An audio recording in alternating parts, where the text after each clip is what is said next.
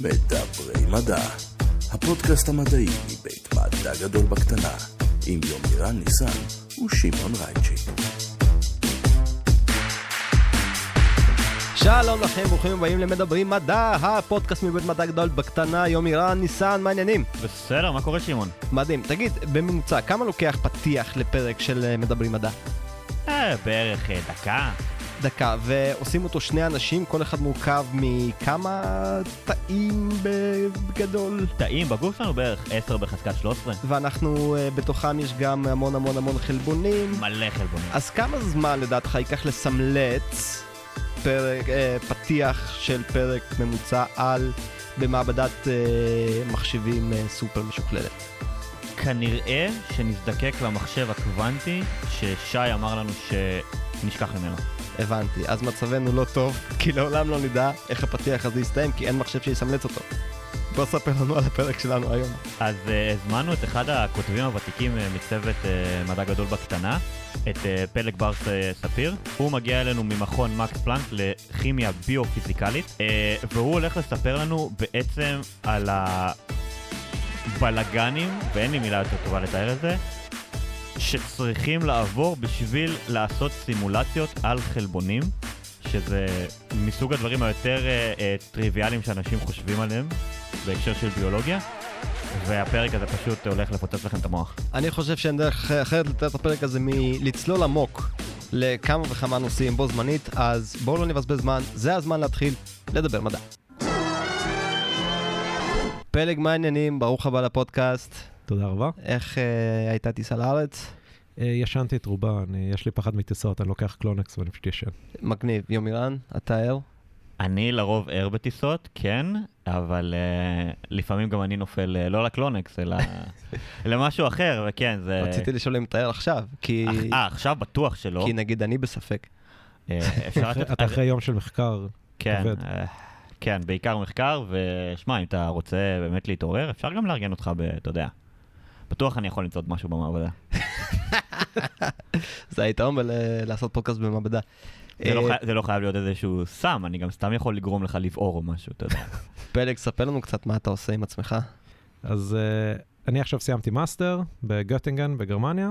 Uh, אנחנו בעיקרון מנסים לחקור את הקשר בין דינמיקה של חלבונים לפונקציה שלהם בגוף, הפונקציה הביולוגית שלהם. דינמיקה של חלבונים לפונקציה שלהם בגוף. יומירן, אתה רוצה, ש- זה השלב שבו אני שואל, בוא תספר לנו קצת אה, יותר מה זה אומר ולמה זה חשוב.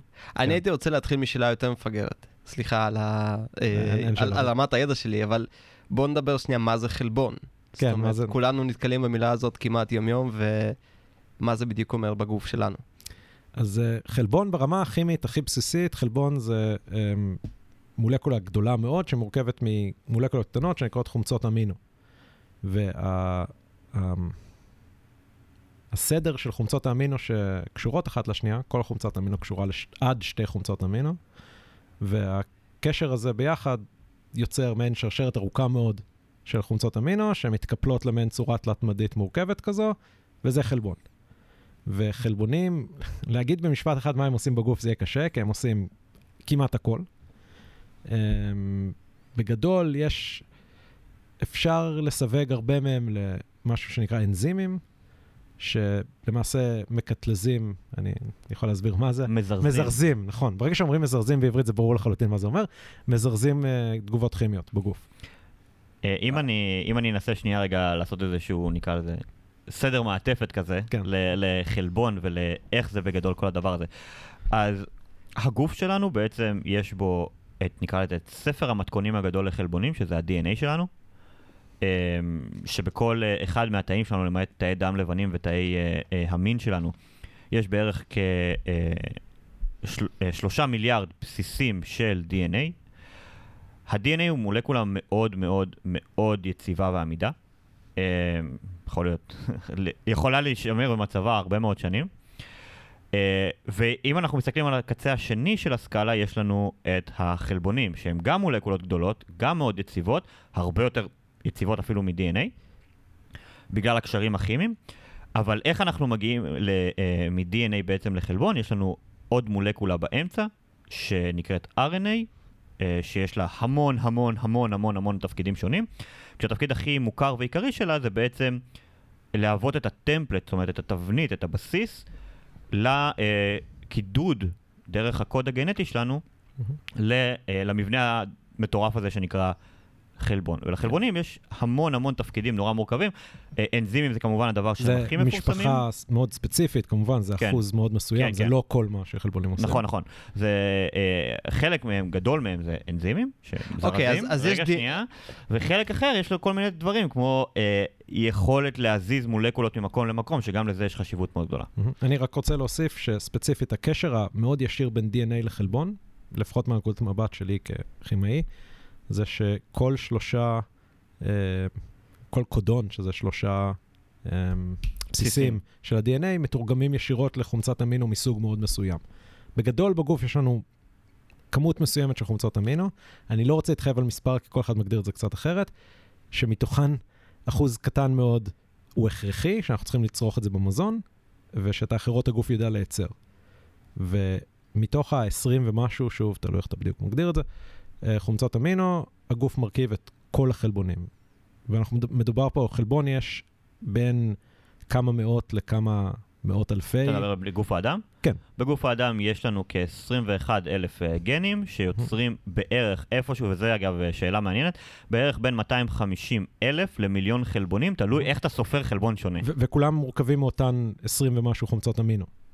אוקיי, אז ממה ששניכם אמרתם, אני מקבל אה, רושם מאוד אה, כזה שמדובר ב- ב- במשהו שהוא עצום בגודלו. זאת אומרת, תחום, רק המילה חלבון נשמע שהיא מכילה אה, אינסוף, אה, לא אינסוף, אבל כמ- כמויות עצומות של אה, אפשרויות נטו מ- מ- מכמות אבני הבסיס שמר, שמרכיבים אותם והתהליכים Mhm. שיוצרים אותם. תחשוב ששקד שהייתה אצלנו עשתה דוק, מאסטר ודוקטורט שלמים על חלבון אחד, על ה- NF kappa B. כן, זה ממש ככה, אנשים חוקרים חצי מהחיי מחקר שלהם, או אפילו יותר מזה, על חלבון אחד, לפעמים אפילו על וריאציות ספציפיות על חלבון אחד. one down, לגמרי. זה ממש. לגמרי, זה ממש ככה. 100,000 to go. מדליק. אוקיי, אז uh, אתה מסמלץ חלבונים במחשבי על. כן. שזה נשמע הכלי הנכון לתופעה המדהימה הזאת. כן, כיוון שיש לך כל כך הרבה אפשרויות, אתה צריך כוח מחשוב עצום. אוקיי, אז איפה מתחילים? אז uh, בגדול, כל, כל מבנה פיזיקלי פשוט, בין השאר גם מולקולות פשוטות ופחות פשוטות, uh, אתה יכול לסמלץ, ל- ל- לבנות במחשב באופן כזה שהמחשב יודע כל אטום, כי בסופו של דבר הדברים האלה מורכבים מאטומים, כל אטום, איפה הוא נמצא בכל רגע נתון, ואז אתה יכול לחשב את כל הכוחות שפועלים עליו, מהסביבה, משאר ה... אה, באיזו. רמה הסימולציה? זאת אומרת, אנחנו ממש מדברים על אה, סימולציה קוונטית של חלקיקים? לא, אז, אז מה שאני מספר לך כרגע, שזה בגדול באמת מה שקורה, זה ההנחה היא שרוב האינטראקציות הן ניוטוניות. אמ, יש היום יותר ויותר הליכה לכיוון של מה שנקרא QMMM, Quantum Mechanics, Molecular Mechanics, אמ, אבל גם זה ברמה מאוד אה, יחסית נמוכה. כרגע, לפי מה שהבנתי, הצלחנו לסמלץ ממש מולקולות פשוטות בשיטות האלה. אז זהו, כן. אה, לפתור אה, אה, מערכות קוונטיות בכמות שהיא, אני לא יכול להגיד לך מספרים כי זה לא התחום שלי, אבל כמויות של יותר מכמה אטומים, זה מאוד computationally ex- expensive וזה מאוד קשה לעשות עדיין. אפילו במחשבים הכי חזקים עם, עם ה clusters הכי גדולים, זה, זה, זה מורכב. אוקיי, אז מה שאתה עושה, מה שאתה עושה זה שאתה אתה יודע לפתור היום אנליטית או נומרית, או זאת אומרת בסימולציה, של מערכות מאוד ספציפיות באטומים, למשל איך האלקטרונים שלהם, מה, איך ענן האלקטרונים נראה, מה הפיזור של האלקטרונים וכו', ואז להשתמש בתוצאה הזאת כשדה כוח בין האטומים, בסימולציה מכנית רגילה, ניוטונית. זה בגדול מה שאני, היישומים שאני מכיר של, זה נקרא, כן, זה נקרא QMMM. אז זה שילוב של קוונטום מקניקס וניוטוניאן מקניקס, שזה מולקולר מקניקס מאיזושהי אוקיי, אבל אנחנו כרגע לא שם, אנחנו ב... לא, אז אני לא מתעסק בזה בכלל. אני פחות או יותר אמרתי לך כל מה שאני יודע על נושא עכשיו. מדליק, אה, שזה גם כל מה שאני כרגע יודע על הנושא מסתבר. אה, אז בוא נחזור למה שאתה עושה. אז, אז כש, כשיש לנו חלבון, אז אנחנו יכולים אה, להסביר את המבנה שלו בכמה רמות, ארבע רמות למעשה. אז הרמה הראשונית, primary structure, שזה זה פשוט הסדר של חומצות האמינו. הרמה השנייה, המבנה השניוני של החלבון, זה um, חלק מחומצות האמינו האלה ביחד, שהן קשורות, יכולות ליצור כל מיני מבני על כאלה כמו uh, היליקסים, או... סלילים. שנקרא- סלילים, כן. או, um, אז איך אומרים בטה שיטס בעברית? אנחנו... אתם פשוט אומרים בטה שיטס, כן. זה פשוט אה, נראה אה, סוג של... אה, אה, כמו סדין כזה. נקרא לזה, אה, טיפה מעוות במרחב. ואז המבנה, הש... הרמה השלישית, זה נקרא המבנה השלישיוני, זה ממש מבנה מרחבי תלת-מדי. אה, זה מה שהחלבון מתקפל אליו. אה, וכמובן יש תחום ענק וגדול של חקר של קיפול חלבונים. כי חלבונים, אם הם לא מתקפלים למבנה הנכון, וזה יכול לקרות, אה, למעשה זה קורה די הרבה, אז הם מאבדים את הפונקציה שלהם. כלומר, חלבון זה בסך הכל איזושהי צורה גיאומטרית שנובעת מהמבנה שלו, כן, מהמם. ומהכוחות הפיזיקליים שפועלים עליו. למעשה וה- המבנה שלו זה פחות או יותר 90% ממה שהוא עושה. הבנתי. אז אנחנו מקבלים אוריגמי שעושה משהו. כן, שהוא עושה משהו ב, ב, באזור מאוד ספציפי שלו, אבל הוא מתקפל באופן כזה שהאזור המאוד ספציפי, יש לו מבנה מאוד ספציפי, והוא יכול לקשור אליו אה, מולקולות מאוד ספציפיות. אה, המילה ספציפי חוזרת את עצמה הרבה. אתה יכול בחלבונים. לתת דוגמה ספציפית? אה, בוא נחשוב. המוגלובין נראה לי הסטנדרט. כן, אני, אני אוהב תמיד להגיד את ה- את גאבה A, אם אתה מכיר. קצת יותר מורכב, אבל כן. גאבה A זה רצ, אה, רצפטור שיש לנו בכל מקום במוח, אני מאמין לרוב בעלי החיים מהמם, אחד לפחות- החשובים. אחד החשובים לחלוטין, אמ, שהוא בעיקרון מה שהוא עושה זה שאם הוא אה, נקשרות אליו מולקולות גאבה, אה, גמא אמינובוטיריק אסיד, אז הוא פותח מעין תעלה ומאפשר ליוני כלור לעבור מצד אחד לצד השני, וזה בעצם יכול ליצור, אה, זה בעצם יוצר רגולציה על תקשורת בין ניורונים. אז אמ, חוסר פעילות של זה זה לטלי או מחלות מאוד מאוד קשות. ממש קשה. אתה, אתה לא יכול, כי אם, אם, אם הרצפטורי גאבה לא עובדים אצלך, לכל הפחות יהיו לך יותר מדי תקשורת בין הנוירונים, זאת אומרת, אתה תהיה hyperactive. למעשה, אה, כשהזכרתי קודם את הקלונקס, קלונקס זה שייך למשפחה שנקראת בנזודיאזפינים, שמה שהם עושים, הם גורמים לו להיפתח יותר. זאת אומרת, הם גורמים לכל הפעילות הנוירונית, נויר... הפעילות העצבית, להיות נמוכה יותר. אמ, אז זו דוגמה לזה. אה, אבל האתר קשירה, איפה שהמולקולות עצמן נקשרות, הגאבה או הבנזודיאזפינים או אלכוהול, למשל אתנול שאנחנו שותים, זה גם נקשר שם. כן. אה, באתר אחר, אבל הם ממש קטנים ביחס למבנה הענק של החלבון. וכל החלבון הזה צריך את כל המבנה הענק הזה כדי לפתוח את התעלה הזאת. אז כלומר, זה מין מנוע ביולוגי קטן, שגדול. אמ, אפילו מנוע ביולוגי ב- גדול. גדול. כן. למעשה, אני לא יודע להגיד לך, הוא- אם אתה אומר מנוע, זה מזכיר למשל את ה-ATP סינט... אה, ATP סינטז, ברור. סינטז, כן, שהוא אולי הכי ידוע, והוא באמת מנוע. זאת אומרת, הוא באמת לוקח פרוטונים, שזה לצורך העניין יוני מימן, וממש משתמש בהם כדי להסתובב. ההבדל, ההבדל, הפוטנ... ההבדל פוטנציאלים של המטענים החשמליים בעצם דוח, ממש דוחף אותו כן, כמו ממש. מנוע. ויש לו אפילו אזור של סטטור ושל um, רוטור, כמו, כמו מנוע, ממש כמו מנוע. וכן, זה גם חלבון. זה, אני רק אה, אגיד שבכללי, מבחינה אה, אבולוציונית, הדבר הכי חשוב אה, מבחינת, שאנחנו אומרים על חלבון שהוא שמור באבולוציה, אנחנו לא בהכרח מדברים על רצף חומצות האמינו, אנחנו מדברים על המבנה. כמו ש, שפלג אמר, המבנה זה הדבר הכי חשוב מבחינה פונקציונלית בשביל החלבון. אה, לפעמים אבל, מוטציה של חומצה אמינית בודדת, ברמת ממש הבודדת, יכול לגרום לדיסטרפשן כזה משמעותי למבנה של החלבון, שהוא יהיה פשוט לא פונקציונלי, וזה קורה הרבה. המון, המון, המון, המון, המון. ובעצם מוטציה של חומצת אמינו אחד, אחת, סליחה, זה אומר לכל היותר, טוב, זה יכול להיות גם יותר, כן, אבל זה אומר אה, שתיים או שלוש מוטציות ב-DNA זה כבר מספיק לזה. מוטציה אחת גם יכולה... אפילו גם. אחת, נכון. כי זה משנה את הקודון. כן. אז אה, כן, ואני אפילו אוסיף שלפעמים עם, עם, עם המוטציה הזאת, או מאיזושהי סיבה אחרת, הקיפול של החלבון לא נכון. לא רק שזה גורם לו לא לפעול, חלקם זה גורם להם להיות קטלניים, למשל פריונים, אה, כן. בעברית אומרים פריון.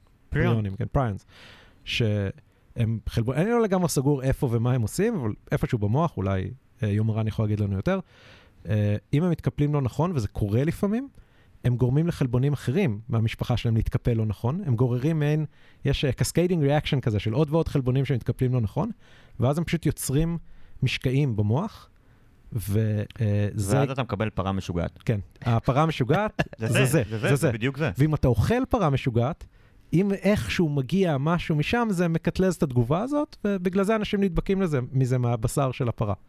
ויותר מזה, אה, בגלל שחלבון היא מולקולה כל כך יציבה, גם אם תבשל אותה במאות מעלות צלזיוס, מאות מעלות צלזיוס, הבשר הזה עדיין נגוע ויגרום לך בסבירות מאוד מאוד גבוהה. פשוט למה כי החלה הזאת? כי המולקולה... הקיפול הלא נכון הזה נמצא שם, והוא והוא מאוד יגרום יציב. ל... מאוד יציב, כן. ואז הוא אה, גורם לחלבונים אחרים מאותו סוג להתקפל בצורה הלא טובה הזאת. לפעמים הפודקאסט הזה ממלא אותי אופטימיות, ולפעמים יומירן לא.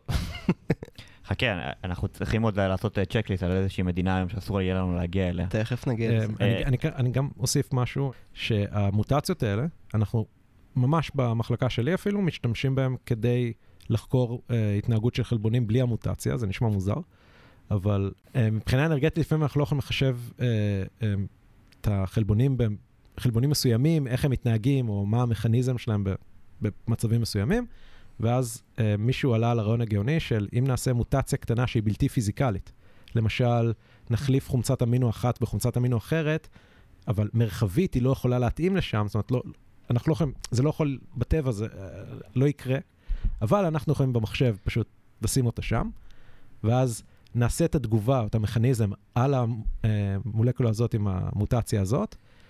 אפשר להראות מבחינה טרמודינמית שזה שקול, אה, אה, יש, יש מעגל טרמודינמי שאפשר לעשות שם, ואפשר לעשות חישוב מאוד פשוט של אה, איך המולקולה המקורית, שלא יכולנו לסמלץ מסיבה זו או אחרת, איך היא מתנהגת, איך המכניזם שם מתנהג ומה רמות האנרגיה שם. תמיד כשכימאי פיזיקלי אומר לי "ח- אה, חישוב מאוד פשוט, אני כזה, אה, גאד.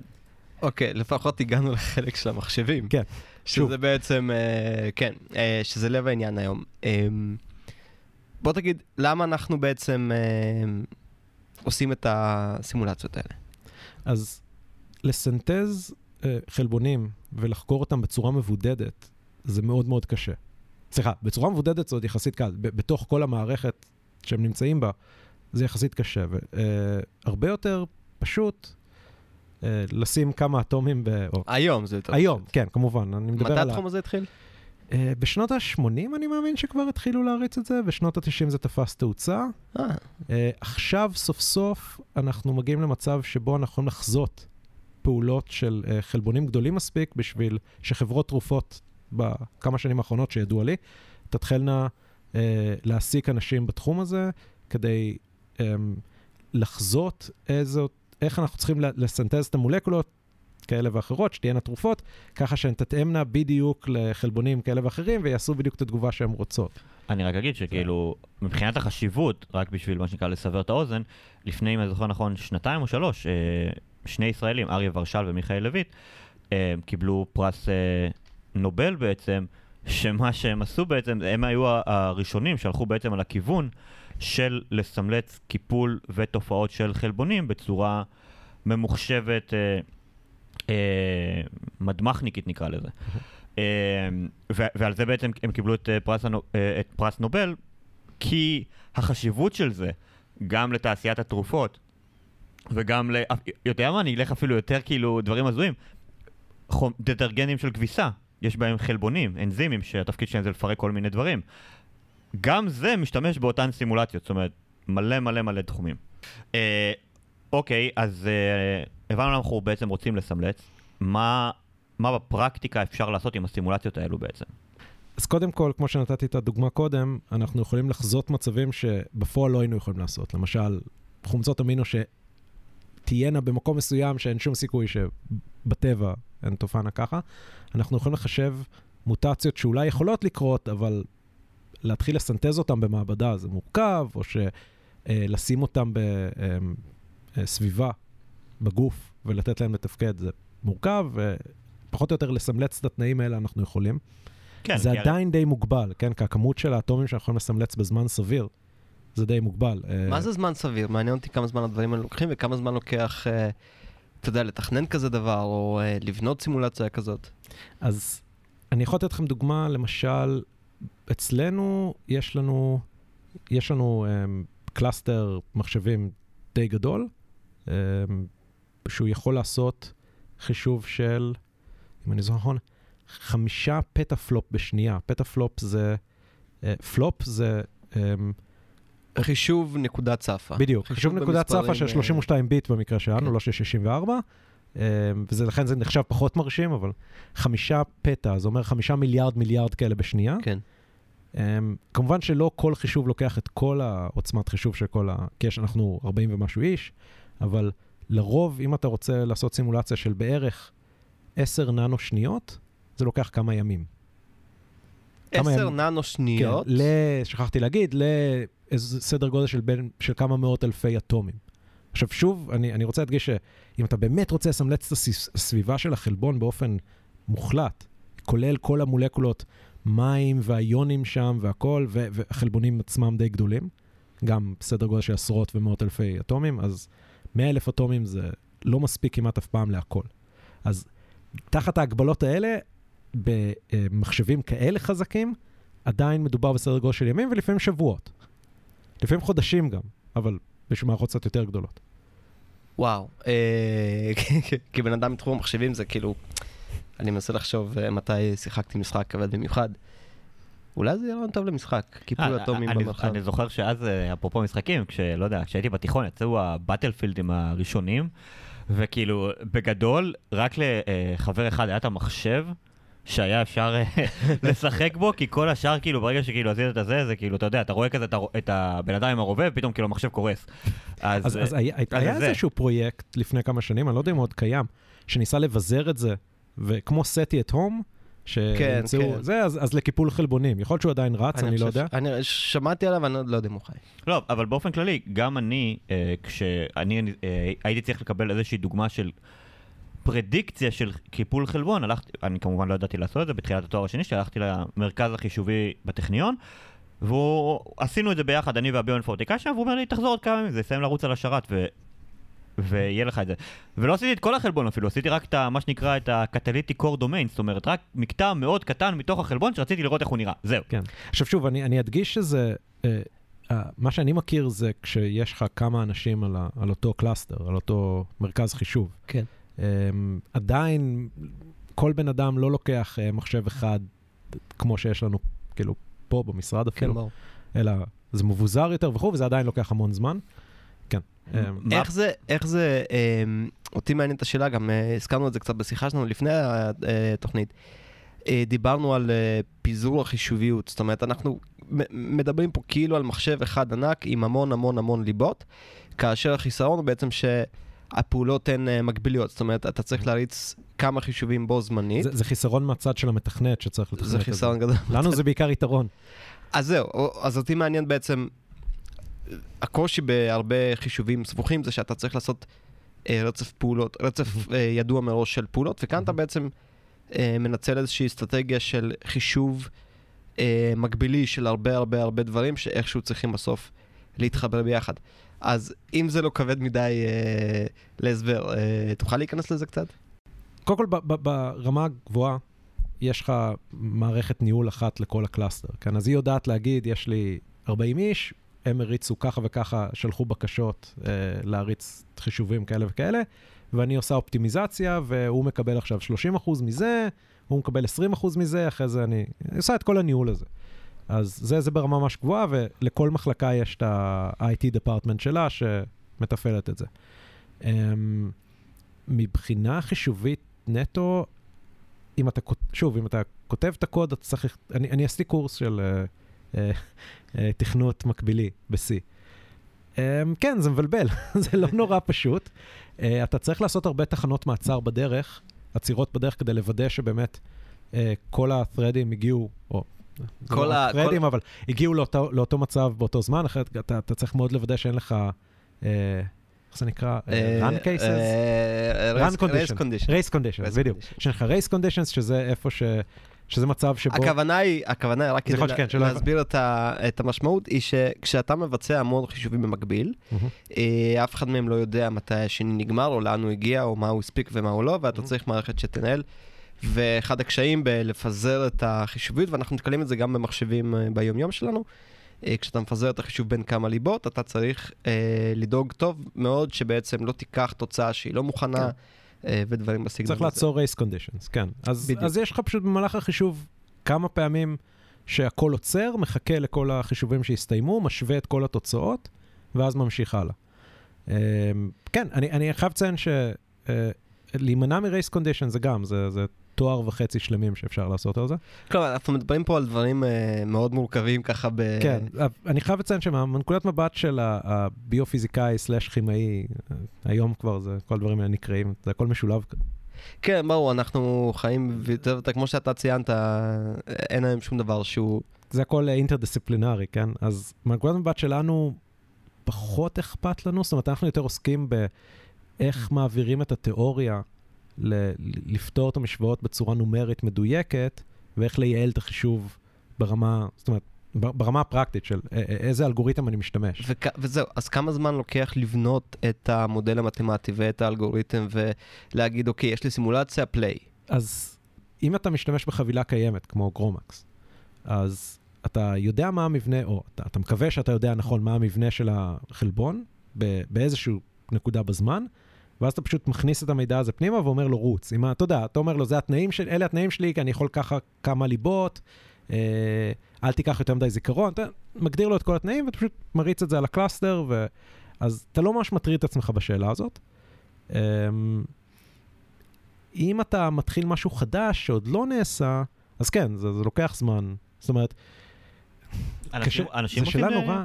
אנשים לפעמים עושים דוקטורטים על uh, לבנות את הכלים האלה, כי לבנות באמת את הכלי הזה, בגלל, ופלג יכול להסביר את זה הרבה יותר טוב ממני, אבל תחשוב שכאילו חלבון זה משהו שנמצא בתוך תא, הוא פיצי, יחסית כאילו לבן אדם שלם, הוא גדול מאוד ביחסית לתא, אבל הוא פיצי ביחס לבן אדם שלם. אתה לא יכול לראות אותו בעין. כן, אתה לא יכול לראות אותו בעין, אבל התהליך קיפול שלו כל כך מורכב.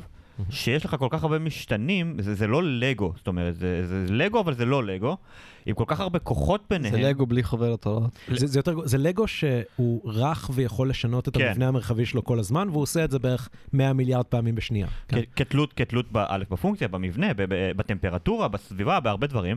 ואתה צריך להתחשב בכל כל, כל המשתנים האלה, שזה המון, ואתה צריך לפתח בעצם איזשהו כלי שיאפשר לך למדל ולסמלץ את זה בצורה כלשהי. אמ, יש לי חבר שעושה דברים כאלה, זה נורא מסובך, זה נורא קשה.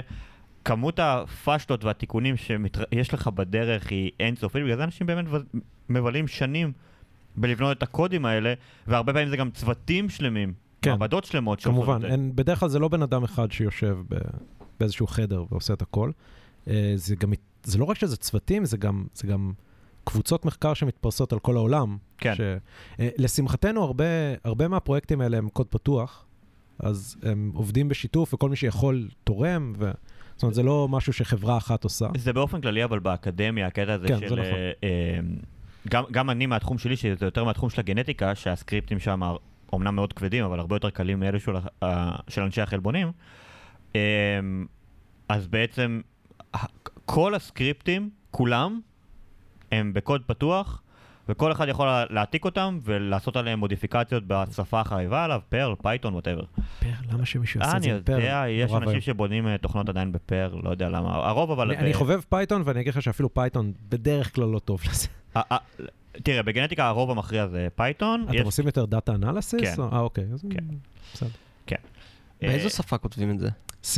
C, או שמעתי שיש אה, מופרעים שעושים את זה עם...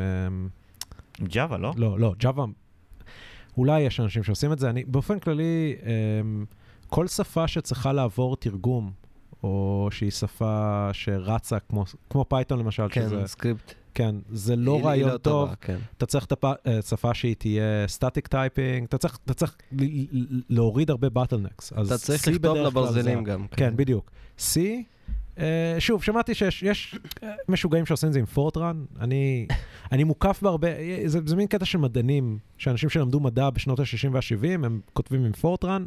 אני לא מבין, אני לא מבין למה, אבל בסדר. אני רק אגיד C. שוולרי, שהיה פה Mhm. בפרק ודיבר איתנו באמת על דברים מופלאים, אמר שהוא חזר לעבוד בפורטרן, פשוט כי הוא אמר שהיא הכי נוחה לצרכים שלו.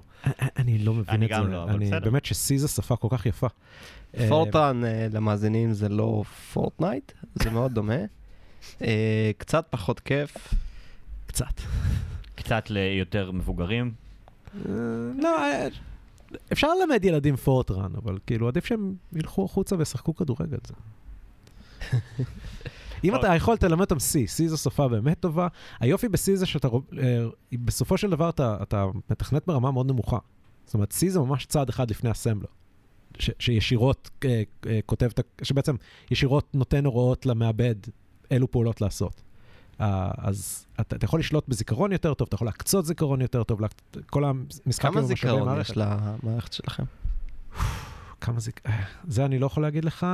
אתה יכול לנחש שאם הם עושות, עושים משהו כמו 5 מיליארד מיליארד פעולות בשנייה, פעולות floating point, 32 כן, ביט אז בשנייה. המידע הזה צריך להישמר איפשהו. כן, אז הרבה מאוד. בעיקרון, אני חושב שיש לנו כמה מאות אה, boxes, box זה כאילו מחשב, כן.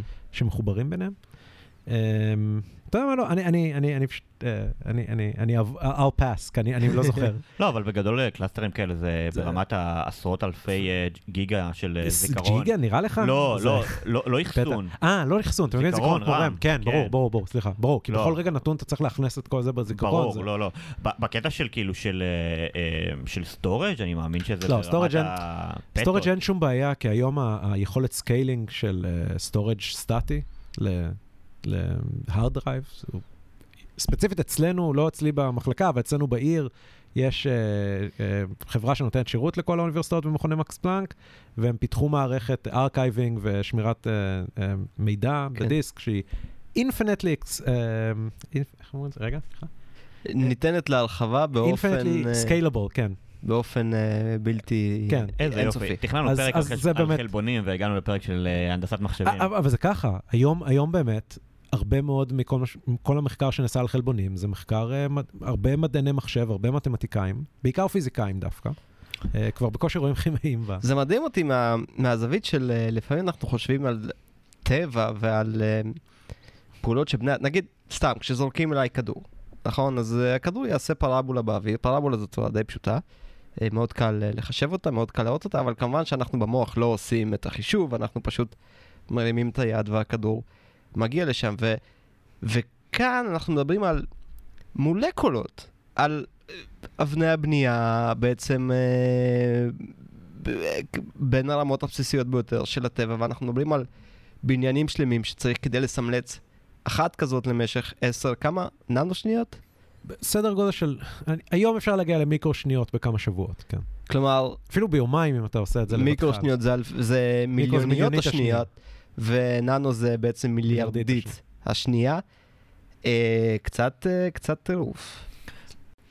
אה, תגיד, אה, מכל הטכנולוגיות שהולכות לדבר הזה, אותי מעניין, אה, אנחנו חיים היום בעידן שבו גם מתחילים לדבר על אה, מחשבים קוונטיים, אה, למרות שהם עדיין not a thing, כמו שלמדנו באחד הפרקים הראשונים של הפודקאסט, וגם על אה, רשתות ניורונים שיודעות בעצם אה, לבצע את, אה, משימות מאוד מאוד מורכבות. אה, חוץ מהכמות אה, של, ה, של כוח העיבוד, איזה כלים עומדים אה, לרשותכם מבחינה אלגוריתמית או מתמטית שהם אה, מעניינים? אוקיי, אז אה, בגדול, בגלל שכל כל החישובים האלה מבוססים בסופו של דבר על לפתור את משוואות ניוטון, אז כל מה שאתה משתמש כדי לפתור את משוואות ניוטון, פחות או יותר משמשים אותנו. אז זה פשוט אמ, מתמטיקה, אלגוריתמיקה...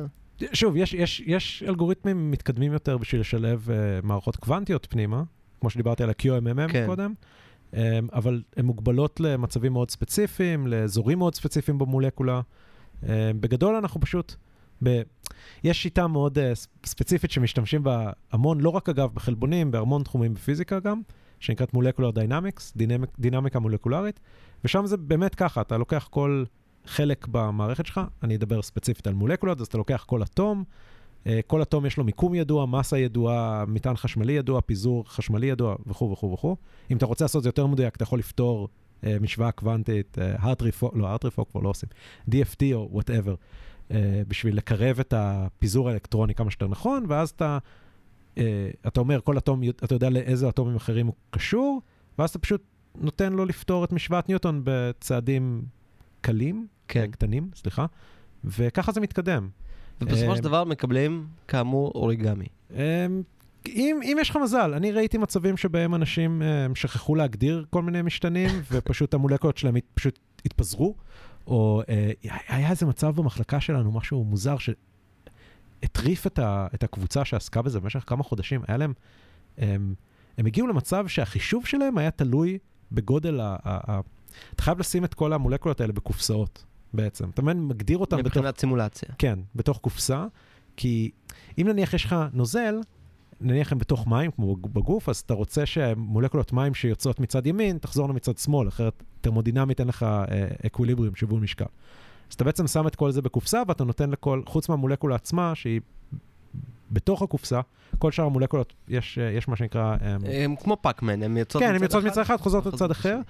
להם היה מעין מצב מוזר כזה, שהגודל של הקופסה השפיע על ה... על, על, ה- על, ה- על אה, התפקוד של החלבון. התפקוד של, לא רק של החלבון, כל המערכת, מהמם. משהו שאתה לא מצפה שזה יקרה. כי אם יש לך קופסה, ובתוכה אתה שם, אני יודע, חלבון אחד, גדול באמצע, לא משנה, ו-100 אלף מולקולות מים, ואז אתה מגדיל את הקופסה פי שתיים, וכל מה שאתה משנה זה שאתה מוסיף עוד מולקולות מים למרחב שנוצר, אז אתה מצפה שזה יתנהג אותו דבר אז אצלם. אז מי צדק, הטבע או אה, האלגוריתם? הט- הט- הטבע, אה, מסתבר שהם עשו שם טעות, כמובן. לא, חשדו גם, כן? כי זה כן, זה. באמת משהו שהוא... אבל זאת התוצאה שיש לך, אתה צריך לעבוד עם זה. אז או שאתה מחפש איפה שיש טעות, אבל אם אתה לא מוצא טעות, אז אתה יודע. אה, יש מקרים, כן, שמאוד מאוד, לא מצחיקים בכלל, כן? אבל ברטרוספקטיב אולי זה מצחיק, שאנשים ששוכחים להגדיר כל מיני, איך, איך אה, יונים יוצאים מצד אחד וחוזרים מצד שני, ואז פתאום, כן, אז, אז יש הצטברות של יונים איפשהו. אה, כל מיני תוצאות שאתה פשוט, אתה אומר, כן. משהו לא. משהו, משהו בקוד, אבל uh, יש לי שאלה שהיא באמת, uh, נקרא לזה, מהותית באמת לאיך שעושים את זה. Uh, כל ענף הקריסטלוגרפיה בעצם, שאתה יודע, uh, של להשתמש בקרני X ובמחוללים ומאיצי חלקיקים וכל הדברים האלה, uh, ואז מקבלים ברזולוציה מאוד מאוד גבוהה את המבנה התלת-ממדי של, uh, uh, של מקרו-מולקולות, בין היתר את ה-DNA, רוזלין פרנקלין ו- ושות. וכמובן עדה יונת, שהשתמשה באותה טכנולוגיה כדי לפצח את מבנה הריבוזום. האם, אה, אני יודע לדוגמה מאצלי, מהביולוגיה המולקולרית, מהגנטיקה, שהרבה יותר קל לבנות גנום חדש באמצעות גנום שכבר נעשה, כי, כי כמו שאמרנו בפרק על האבולוציה, הרבה יותר קל לעבוד על משהו קיים, ואנחנו, זה, זה איזשהו חוק טבע שאנחנו מתעסקים איתו. האם גם בסימולציות של חלבונים משתמשים במבנים שכבר פוענחו, ובידע הקיים שלנו כדי להלביש על הפרדיקציות והסימולציות שלכם? כן, אבל, יש פה אבל מאוד גדול. אנחנו רוצים לדבר על האבל כן. ברור. אני, um, כשאתה אומר אקס-ריי קריסטלוגרפי, או במקרה שלנו ב, עכשיו יותר ויותר משתמשים בקריו-EM. תס- תסביר רק אה, במילה אחת מה זה. קריו-EM במילה אחת. אה, מיקרוסקופ אלקטרוני שמשתמש כן, בהקפאה כן. עמוקה כדי... אז, אז, אז, אז המילה החשובה פה זה הקפאה, גם, גם ב... הקריו, כן. כן, הקריו, זאת אומרת בטמפרטורות נמוכות. וגם בקריסטלוגרפיה מבנית אה, רגילה, אתה צריך, אם, אם, ה, אם אתה נותן לחלבון, אם אתה עושה את הצילום הזה, זה בעצם סוג של צילום. זה כן? צילום לכל דבר. אתה עושה את הצילום הזה בטמפרטורת החדר, אז... ה- ה- ה- אתה תשרוף את הדוגמה שלך. כן, אבל גם אם היית יכול, עדיין, ה- ה- למה? כי אתה הדינמיקה. מקרין על זה... קרני X? קרני... X, מאוד כן. אבל בוא נגיד, בוא נגיד אפילו יותר מזה, נניח שזה לא היה, זאת לא הייתה הבעיה. עדיין החלבון זז כל כך מהר, כי אני, אני מדבר לך שקיפול של חלבון שלם, זה חלבון קטן, יכול לקחת כננו, כמה ננו שניות, אה, סליחה, כמה מילי שניות. אה, חלבונים גדולים יותר, כן, זה יכול לקחת עד כמה שניות, אבל הם, הם זזים מהר. אבל תזכור, תזכור רגע, זה חשוב, אה, אנחנו נעשה פרק שלם על ביולוגיה מבנית, כאילו ממש הארדקור, אבל רק ממש אה, בנאצ'ל. כי הפרק הזה קליל, ו- קליל, קליל. ופשוט כן, להבנה ממש. אה, כשאתה עושה בעצם ביולוגיה מבנית, בגלל הבעיה הזאת של התנועה, מה שאתה עושה, אתה, מייצ... אתה מגדל כבישים. איך אתה עושה את זה? אתה בעצם אה, באמצעות אה, דיפוזיה וכוחות אה, הטבע, אתה אה, לאט לאט, מאוד לאט, עם... זה אומנות לח- לשמה. אתה אה, מגדל את הכבישים, אתה בעצם יוצר כבישי חלבון, שזה חלבונים מאוד מאוד מאוד דחוסים, מאותו סוג, ואז יש לך איזשהו גביש נורא נורא נורא פיצי פיצי פיצי פיצי, ואותו אתה מק- מקרין, אבל אם הוא לא יהיה בטמפרטורה מאוד מאוד נמוכה, ולכן כאילו משפריצים עליו חנקן נוזלי כל הזמן, הקרן שלך, שאתה בעצם מקרין אותה על הדוגמה, היא תגרום בעצם להתכה שלו, לשרפה שלו. כן, אז, אז, אז מה שאתה אומר פה זה, זה, זה כבר שתי בעיות, אבל הבעיה השנייה נגררת מהבעיה הראשונה שאני uh, הצבעתי עליה, כן, ה- ה- בגלל שהדברים האלה הם, הם בטמפרטורות החדר הם נורא דינמיים, וזה טוב שהם דינמיים, כי בלי הדינמיקה הזאת לא היו חיים, כן? חיים זה בעצם... זה קיפול של חלבונים. כן, ש... כן, זה, זה דינמיקה, זה, זה נשמע נורא פילוסופי. משפט טוב לרקום על מפית. כן. חיים זה חיים קיפול של חלבונים. לא. החיים זה דינמיקה. זה דינמיקה. אבל, אבל זה ככה, זה באמת המערכות, לי בתור כימאי, כן? אה, ואני בטוח שיומירן בתור ביולוג, ביולוג. מה שההבדל בין טמפרטורות נמוכות לטמפרטורות גבוהות, זה בדיוק זה, זה מאפשר ריאקציות כימיות. כן. שזה בדיוק זה. אז, אז בגלל שזה ככה, את, אתה צריך, אה, אתה, אתה, קודם כל, אתה לא, אתה לא יכול להחזיק חלבון אחד באמת מבודד, חלבון, אולי אתה יכול, אבל זה נשמע לי מאוד קשה לעשות את זה, ולתת לו לזוז, ואז לצלם אותו ולקבל סנאפשוט מוחלט. אתה תקבל משהו מטושטש, שהוא קומבינציה של הרבה מאוד קונפורמציות מרחביות של החלבון הזה. כן. אה, כי ובאמת- כדי לצלם משהו, אנחנו צריכים לתת לאיזשהו סיגנל ממנו אה, להשפיע על איזשהו חיישן כן. במשך פרק זמן כלשהו. זה בדיוק, ואני- תיארת עכשיו שמעון, בדיוק את מה שעושים. כן, ו- ו- אבל תחשוב שהיכולת שלנו לצלם כרגע, תשמע, אני לא יודע מה ה-cutting edge שלה, אבל נורמלי לעשות את הצילום הזה, אמ, זה לצלם פריים אחד, להחזיק פריים דלוק במשך כמה דקות של תנועה בכביש. כן. אז, אז אתה לא מקבל... ולנסות להבין מזה מה זה כל מכונית. בדיוק. עכשיו, עכשיו אתה, אתה יכול, אתה, אתה, יכול להיות שיש אלגוריתם שעוזר, אני לא יודע, אבל, אבל בגדול, מה שאני מנסה להגיד כאן זה ש... אז אנחנו מקבלים את המבנים האלה כמו שהם בטמפרטורות נמוכות. ואז אתה מתחיל משם, ואז אתה צריך, אתה צריך לסמלץ אותם בטמפרטורות פיזיולוגיות. זאת אומרת, בערך 300 קלווין, give or take, בערך, בערך 25 מעלות צלזיוס, give or take, ב-pH אה. למדנו משהו שיש, כאילו, אה, אה, זה לא זה לא כזה- באמת 300, אבל כימאים אומרים 300 קלווין כי זה זה עגול ונוח. כי זה הגרסה שלהם לטמפרטורת החדר. כן, זאת טמפרטורת חדר, כן. כן. כן, זה נוח, זה אחד, נכון, יש תנאי חדר, אחד אטמוספירה, 300 קלווין, כן, בדיוק זה. אז אתה צריך להעלות אותם בטמפרטורה הזאת, כי אחרת סמלצת משהו שהוא יכול להיות שהוא מעניין, אבל הוא לא פיזיקלי. כלומר, ואחד היתרונות של סימולציה זה בעצם שאפשר להאט את הצילום לאיזה... כן, אבל אתה צריך, יש פה הנחה מאוד גדולה, שבאמת הצילום, ש- אה, הסימולציה הזאת באמת תיתן לך את מה שהצילום היה נותן, לו היית יכול לצלם את זה ככה. זה ה- נראה לי כל הקטע בסימולציות כן, בעצם. זאת אומרת, זה לא לנסות הנחה- להגיע ל... להגיד הנחה זה קצת uh, understate, לא, סליחה, זה קצת overstatement, זה לא נכון, זה לא שאנשים אומרים, טוב, נראה לנו שזה עובד, לא, יש אה, מודלים מתמטיים, אנחנו יודעים, ויש המון uh, um, sanity checks לבדוק שאם אנחנו נותנים מערכת מסוימת, אנחנו מקבלים את, uh, את הדינמיקה ואת כל הפרמטרים שאנחנו מצפים לקבל. זאת אומרת, אתה לא סתם. אבל uh, כן, אבל uh, אתה, אתה עושה משהו שהוא מתבסס על, על מבנה שבגדול קיים בטמפרטורות נורא נורא נמוכות, ואתה מעלה אותו לטמפרטורות אחרות, זאת אומרת, הרבה יותר, הרבה יותר גבוהות מזה, כמה סדרי גודל למעשה. ואתה גם צריך להעלות את זה, אגב, באופן מאוד איטי ונכון. כי אם אתה תעלה את זה מהר מדי, יכול להיות שחלקים מסוימים במולקולה יתחילו לנוע מוקדם מאחרים, ואז אתה מקבל דינמיקה אחרת לגמרי, והמערכת, אה, תד... אה, איך אומרים את זה בעברית? converge, will conver... תתכנס. תתכנס ל- ל- למבנה שהוא לא נכון. זאת אומרת, צריך להיות מאוד זהיר עם זה. תגיד משהו, אני, אה, שוב, מאוד רחוק מהתחום, זה מרתק. אני רוצה פשוט להבין, כי אנחנו מדברים על דברים שהם מאוד מאוד אה, לא יומיומיים. אתה דיברת על קיפול חלבון ושהוא קורה מאוד מאוד מהר. מת- מתי החלבון מתקפל? זאת אומרת, כשהוא נוצר, מורכב מה-DNA ואז הוא כזה בלופ, מתקפל, או שהוא מתקפל כל הזמן, והזכרת מקודם חלבונים שנעים אה, כל הזמן. אז, אז אה, יומרן הזכיר קודם איך RNA מתורגם ישירות לחלבון, הוא לא הזכיר שזה עובר דרך מערכת שנקראת ריבוזום, שזה מה שמתרגם את ה-strand RNA, את השרשרת DNA, אומרים? כן, RNA, סליחה, RNA. את שרשרת פה, ה-RNA. פה נכשלתי במבחן בביוכימיה עכשיו, את השרשרת RNA לחומצות אמינו. מה שיוצא מהצד השני זה ממש שרשרת של חומצות אמינו, וכבר אז זה מתחיל להתקפל, אבל הקיפול עצמו, אמ, אז התשובה הקצרה היא שכן, זה מתחיל להתקפל כבר כשהוא יוצא, אבל אמ, הקיפול הסופי הוא לאו דווקא, זאת אומרת, בדרך כלל המבנה הראשוני הזה של השרשרת, אני באמת מנסה להגיד את זה בקצרה, אה, מתקפל לבדו, שוב, ב-pH הנכון, בריכוז היונים הנכון, בטמפרטורה וכו'. אמ, אבל לפעמים החלבונים האלה, כדי להתקפל נכון, הם צריכים עזרה, זה נקרא chaperones. אמ, זאת אומרת, חלבונים אחרים שמזיזים אותם לכיוון הנכון, אמ, והם יחסית מאוד יציבים, המבנים האלה, אבל למרבה. הצער... אחרי שהחלבון יתקפל, או רובם לפחות, הם פשוט נשארים בקונפיגורציה הזאת. לא בדיוק, אה, הם בגדול נשארים במבנה מאוד דומה, אבל הם עדיין בדינמיקה.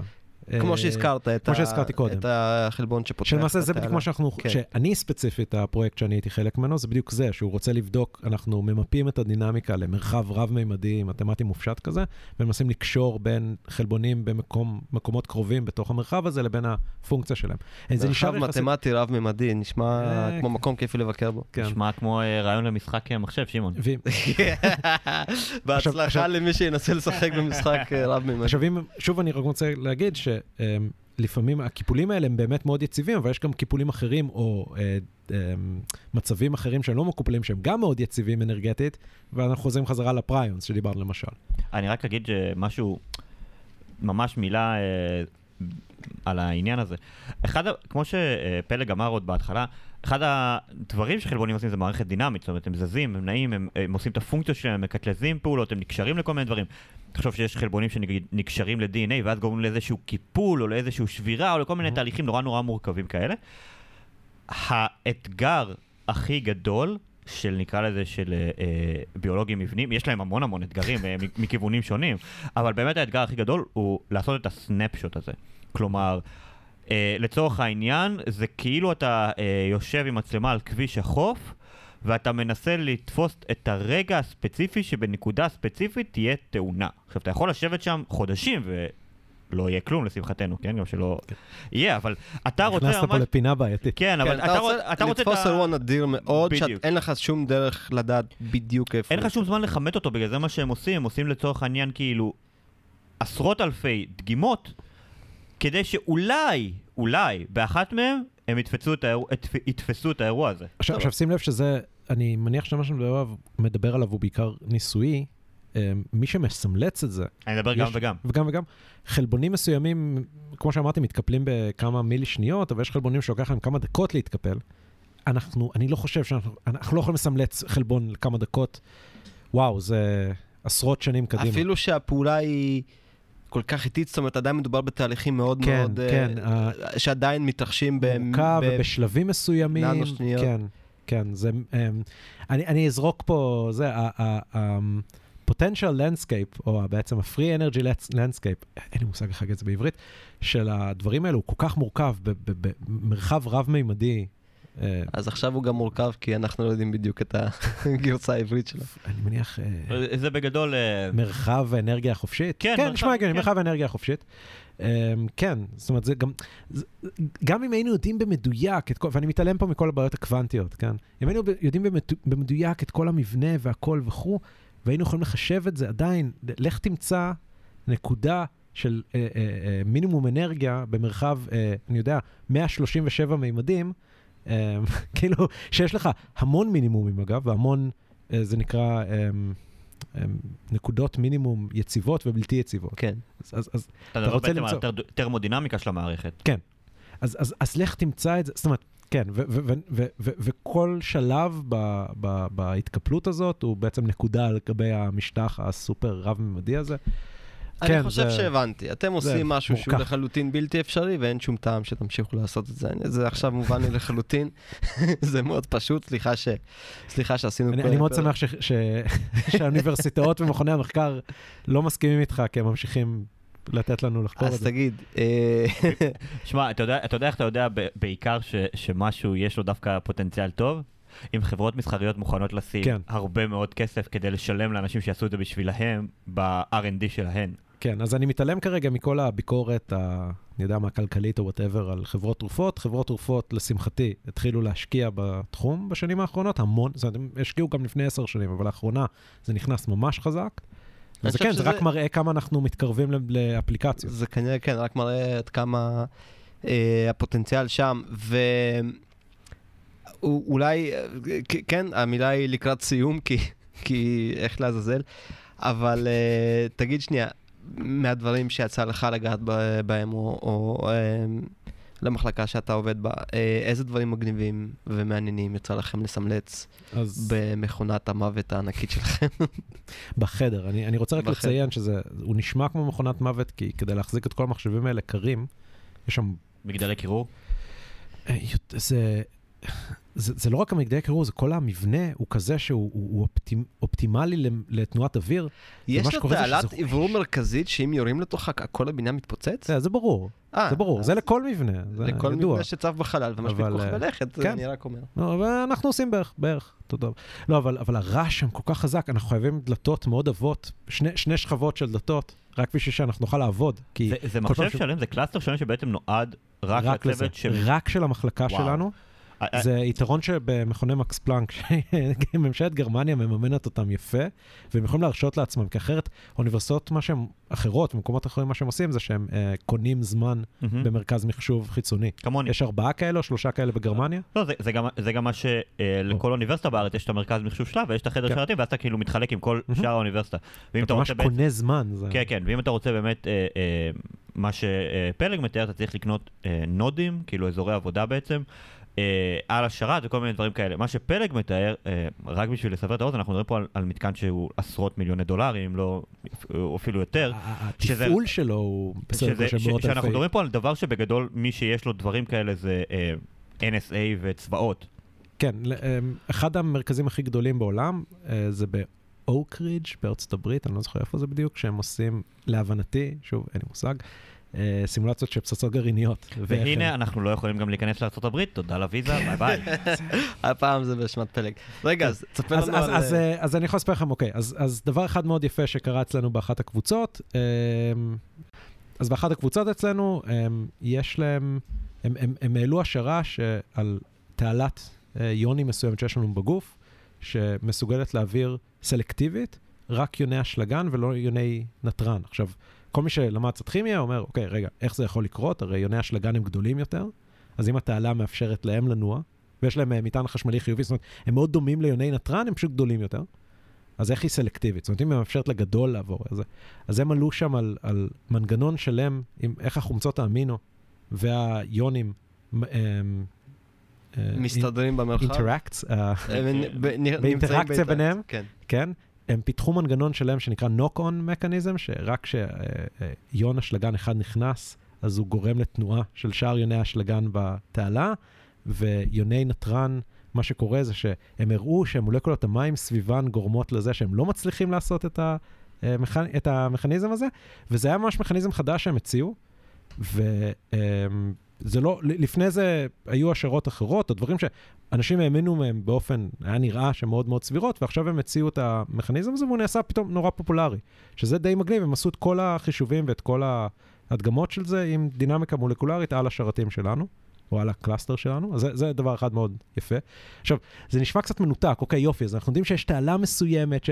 אבל תחשבו שהעברה של יונים ממקום למקום, כל המחשבות שלנו, כל דבר שקורה במוח זה העברה של יונים בעצם, זה, זה תעלות יונים וניורונים שמעבירים ככה מידע אחד לשני. אני רק אגיד שעכשיו, מה זה הדלקת אנשים שמתעסקים בבקרות הורמונליות ודברים כן, כאלה? טוב, אתה יודע, תמיד הם- יותר עניין אותי כל מה הם שקשור נורא- לנוירולוגיה. כי הם נורא נוירולוגיה, קשורים, כן. אתה יודע, להורמונים שלהם, ואתה כאילו כן. בא עכשיו, "אה, הכל זה... אני, זה." אני פשוט, אני פשוט, הרבה מאוד, מה, אין מה לעשות, הרבה מאוד מ, מ, מהתרופות, בעיקר החומרים הפסיכואקטיביים, כן? של כן, אה, כן, תרופות פסיכיאטריות וסמים. עובדות- עובדות על זה, על כן. פתיחה וסגירה של נכון, תעלות אה, נכון. יונים.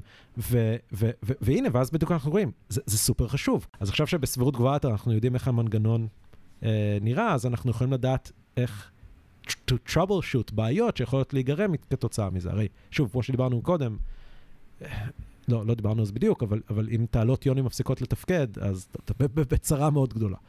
אה, או אפילו אם מתפקדות לא כל כך טוב, או יש שם משהו שחוסם משהו, לא, לא משנה, עכשיו שאנחנו יודעים את המכניזם, אנחנו יכולים לכוון את הטיפולים הרבה יותר טוב. אוקיי, זה בסדר, זה כמה עשרות שנים מאיתנו, אבל זה ההתחלה של זה. אז זה מאוד מרגש לראות את זה. אני רק אגיד שבהרבה מאוד אה, מחלות, לדוגמה, אה, אחת המפורסמות, את הרשת נפוצה, בעצם יש אה, של אה, החשיפה בעצם של העצב מהבידוד שמקיף אותו, מהבידוד המיילין. עכשיו, למה הבידוד הזה טוב? הבידוד הזה הוא לא בידוד אחיד, זה לא חוט חשמלי, זה בידוד שיש יש ניקים כאלה, יש פתחים, שבו יש בעצם אה, תנועה של איונים והפרש פוטנציאלים. זאת אומרת, שאתה... ברגע שאתה מוריד את זה, ואז ההפרש פוטנציאלים בעצם נהיה אחיד לאורך כל סביב העצב, המערכת goes haywire, ואז יש לנו, שלא נדע, נפוצה, שזו מחלה מאוד קשה. לשמחתנו היום היא, היא, היא כבר לא גזר דין מוות. היא manageable, היא עדיין מאוד לא נעימה, ו, לא, לא, בכלל. ו, ו, ו, וצריך uh, טיפול והשגחה והכל, הם- אבל זה כבר לא מה שהיה בעבר. תוחלת חיים של אה, אנשים שחולים בה היא קרובה לתוחלת החיים של אנשים בלי נכון, המחלה. נכון. שזה מרשים מאוד. שזה מרשים מאוד, וכן, וגם לישראל אה, יש הרבה credential בזה. של- אני אני אגיד, אני אגיד, אני מקווה שזה לא... אתה אמרת קודם שזה קצת מלחיץ אותך פה, משהו שאמרתי. אז... אני צחקתי, הרבה- כן? כן, ברור, אבל, אבל, צחקת, אבל המון המון המון דברים בגוף יכולים להשתבש על הדברים המאוד קטנים האלו. על באמת אה, קבוצה פונקציונלית של מולקולה שהונחה שם בטעות, כי הייתה שגיאה ב-DNA או משהו, ושגיאה יכולה לקרות כי איזה פוטון UV בחשיפה לשמש אה, שינה שם משהו ממש ממש קטן, וזה גורם לזה שאיזשהו חלבון לא ייוצר נכון, אז הוא לא מתקפל נכון, אז הוא לא מונע, אני יודע, סתם, אני לוקח את זה קצת, הוא לא מונע מוות של התא, אז התא מתחיל בעצמו להשתכפל הרבה, וקיבלנו סרטן. אז טוב, אני, אני אגיד את, קצת את ההפך ממה שאמרתי מקודם, אבל אולי קצת יותר ברצינות הפעם. וזה ש, זה, זה נכון, ככל שבעצם מסתכלים פנימה, וכמובן מה שתמיד מעניין אותנו זה איפה הבעיות קורות, כדי שנוכל אה, להתגבר ולהתמודד, אבל אה, גם לפני הרפואה המודרנית ולפני מחשבים ו, וקלאסטרים של, אה, אה, שלהם, אנחנו שרדנו אה, מאוד יפה את החיים האלה, את העולם הזה. סך הכל אנחנו אה, גזע די עמיד. על אף כל הבעיות ועל אף כל הפוטנציאל, ואני חושב שהדבר שאני אקח איתי מהפרק הזה, הוא שכדי לפענח תהליך ברמה המולקולרית שנמשך ננו שניות, אנחנו צריכים חדר מלא שרתים, בזמן שבגוף שלנו ובסביבה שלנו הדברים האלה קורים כל הזמן, ללא הפסקה, חלבונים מתקפלים. אה, עטלפים נתלים, אה, מחשבים, גם חלבונים. אה, מרנדרים. אני, אני אנחש שהחדר שרתים שמסמלצים את המציאות שלנו עליו, הוא כנראה הרבה יותר גדול. הוא כן. כנראה הרבה יותר גדול. ואני חושב שאני יצאתי ב... בתחושה מאוד פרק שפשוט... אה, תחושת מי- פליאה מול הטבע. הוא mind blow אה, לגמרי, אפילו עם ה... באמת שנהיה לי, רק גירדנו את, את פני השטח, והתחום הזה נשמע אינסופי, כמו כמות ה... התנועה שקורית בו אה, בכל אה, רגע ורגע. פלג, אה, הכוסטה הזאת והדברים שאמרת אה, חיממו לי את המוח יתר על המידה, וגם נגמר לנו הזמן. המוח שלי עובד תיזהר בקוונט- שלא תהיה דנטורציה של החלבונים שם. אוקיי, הנה עוד משהו שיכול לקרות. יו, יו, כאילו, כש, כששמעון אה, ואני דיברנו בהתחלה לעשות את הפודקאסט הזה, נראה לי שהוא לא הבין כמה מעולם המדע מתעסק, ב, אה, ב, ב, לפחות בתחומי אה, הביו-רפואה, מתעסק במה קורה כשדברים משתבשים. שזה כאילו נראה לי הרוב המכריע של עולם הביו-רפואה. שמע, אני, ב- אני מתכנת משחקים, כן? שזה תחום מאוד אופטימי, אתה יודע. למרות שהורגים אנשים כל אתה אתה הזמן, הורג מלא אנשים. זה נכון. כן, אה, אולי תכתבו באמת משחקים שבהם צריכים יש, לפענח. יש כל מיני משחקים מגניבים, למשל ראיתי משחק שנועד להדגים אה, איך מהירות האור עובדת. זאת אומרת, אה, כשה- כן. כשהמשחק מאט, אה, שם אותך ביקום שבו מהירות האור היא הרבה יותר איטית. ואז מה קורה כשאתה מתחיל לנוע במהירות שקרובות למהירות האור, וזה... זה די מדהים, יש כל כך הרבה. אפקטים שאפילו פיזיקאים בדרך כלל לא חושבים על זה, אני חושב שזה היה טרל, יש איזשהו, יש... זה, זה, נכון, יש אה, תעלה של אור כזה שהולך ללבן, וכל מיני דברים כן, מתקרבים כן. יותר, וזה זה אפקטים... הכל משנה צבע, כן. ואתה נתקל בדברים שהם לא שם, כי שם, אתה לא רואה כן, אותם. כי- ו- אתה, וזה- רואה, אתה רואה את הצדדים מאחורה של של הדברים. שלטים לפני שאתה עובר אותם, כן, זה... וגם נתקלתי במשחק של אה, שחמט קוונטי, שזה היה מטורף. מישהו פשוט רצה, הוא לא שחקן שחמט גדול, אבל הוא אמר, זה משחק טוב להדגים עליו בווריאציה מסוימת, אה, תופעות פשוטות מ- מעולם הקוונטי, ואתה באמת יכול לעשות מהלך שאתה לא יודע איפה הצריח שלך, הוא, הוא, יש 50% סיכוי שהוא שם, ו-50% שהוא לא ביצע את המהלך. חפשו את זה, יש את המשחק, אני חושב, הזה בסטים. אם, אם מעניין אתכם קצת אני לשרוף... נתקלתי אה, פעם במשחק כדורגל על רעיון דומה, שהכדור הוא כדור קוונטי, אז בעצם אתה משחק לא עם המיקום שלו, אלא עם מה ההסתברות שתמצא אותו. כן, כמו איך שהקבוצה גם- שלך נראית, כנראה שהשחקנים לא, הם לא. שחקנים קוונטיים, חבר'ה, לא חבר'ה, באמת בלי שם. פוליטיקה ובלי ספורט. בלי פוליטיקה ובלי אני- ספורט אני, אני בפודקאסט. לגמרי בעד לא לדבר על הפועל. למרות שניצחנו את נס ציונה אתמול 1-0. מזל טוב. הייתי אוקיי. במשחק, אני רק, היה אני, מדכא מאוד. אני רק אגיד אה, אה, באמת איזושהי, אה, אה, נקרא לזה מילה, אה, מגניבה לסיום, גם מתקשרת בעצם לחלק גדול ממה שאנחנו מדברים פה. כמו שאמרת, המין שלנו כמין, המין האנושי, הוא מין שלקח לו מיליארדי שנות אבולוציה להגיע למקום שבו הוא נמצא מבחינה אה, ביולוגית, וכמובן היום מבחינה טכנולוגית. עכשיו, בהרבה מאוד דברים, אני, אומר את זה במרכאות, ניצחנו. כלומר, מה זאת אומרת ניצחנו? אנחנו מתמודדים לא רע עם הרבה מאוד מהאיומים שהיו לנו בעבר. תמותת תינוקות היום, לדוגמה בישראל, זה פחות משלוש לאלף, זה מטורף. שתבינו, אנחנו מדברים פה על תמותת תינוקות בעבר של 70-80 אחוז אולי. אנשי, אנשים ממשפחת המלוכה היו כן, כן. מתים חצי מהילדים כן, שלהם. כן, כן.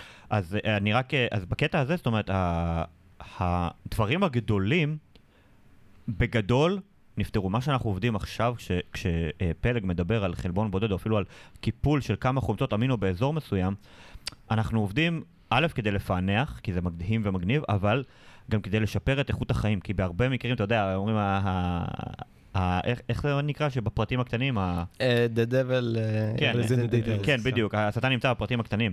אז זה בדיוק זה. Uh, רוב התרופות הפסיכיאטריות, רוב uh, משככי הכאבים, רוב הדברים האלה, הם מדברים על בעצם מולקולות מאוד מאוד מאוד קטנות, שפוגעות באתר, uh, או מטרגטות, אתר מאוד ספציפי באיזשהו uh, חלבון שמתקפל או פועל בצורה מסוימת, תחת תנאים מסוימים.